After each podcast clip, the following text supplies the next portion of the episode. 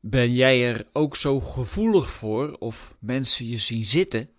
Of ze je tof vinden en, en kun je dan ook een week nagenieten als je een compliment krijgt?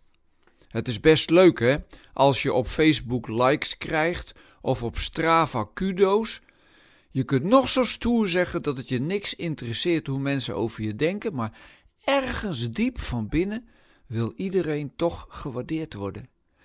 Ik ken wel voorbeelden van mensen die nooit eens iets positiefs te horen kregen en uiteindelijk aan de drank gegaan zijn om het leven nog een beetje aan te kunnen, terwijl dat dan juist natuurlijk niet meer lukt.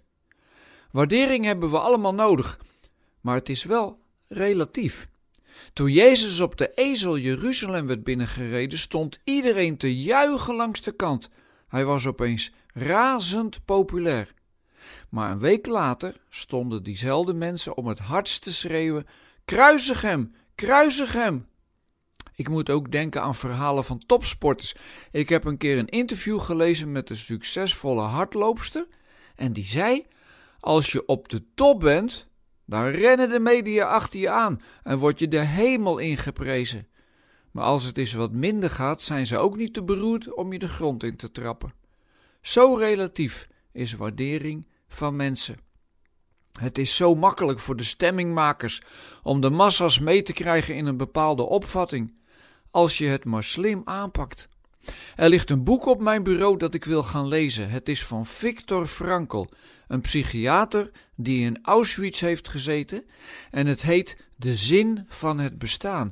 Hoe ervaar je zin in je leven als ze je alleen maar dood willen? Als niemand je meer waardeert, Gelukkig zijn wij niet in zo'n situatie. En nu kunnen we wel tegen elkaar zeggen: je mag weten dat je voor God iemand bent per definitie, maar daarmee zijn we er nog niet. Want daar ligt ook een opdracht in verborgen voor christenen, om dat dan ook aan elkaar en aan de hele wereld te laten merken. Een christen hoort per definitie iemand te zijn die alle mensen die hij of zij ontmoet volkomen serieus neemt en niet kijkt naar status, beroep of sekse. Zo deed Jezus het.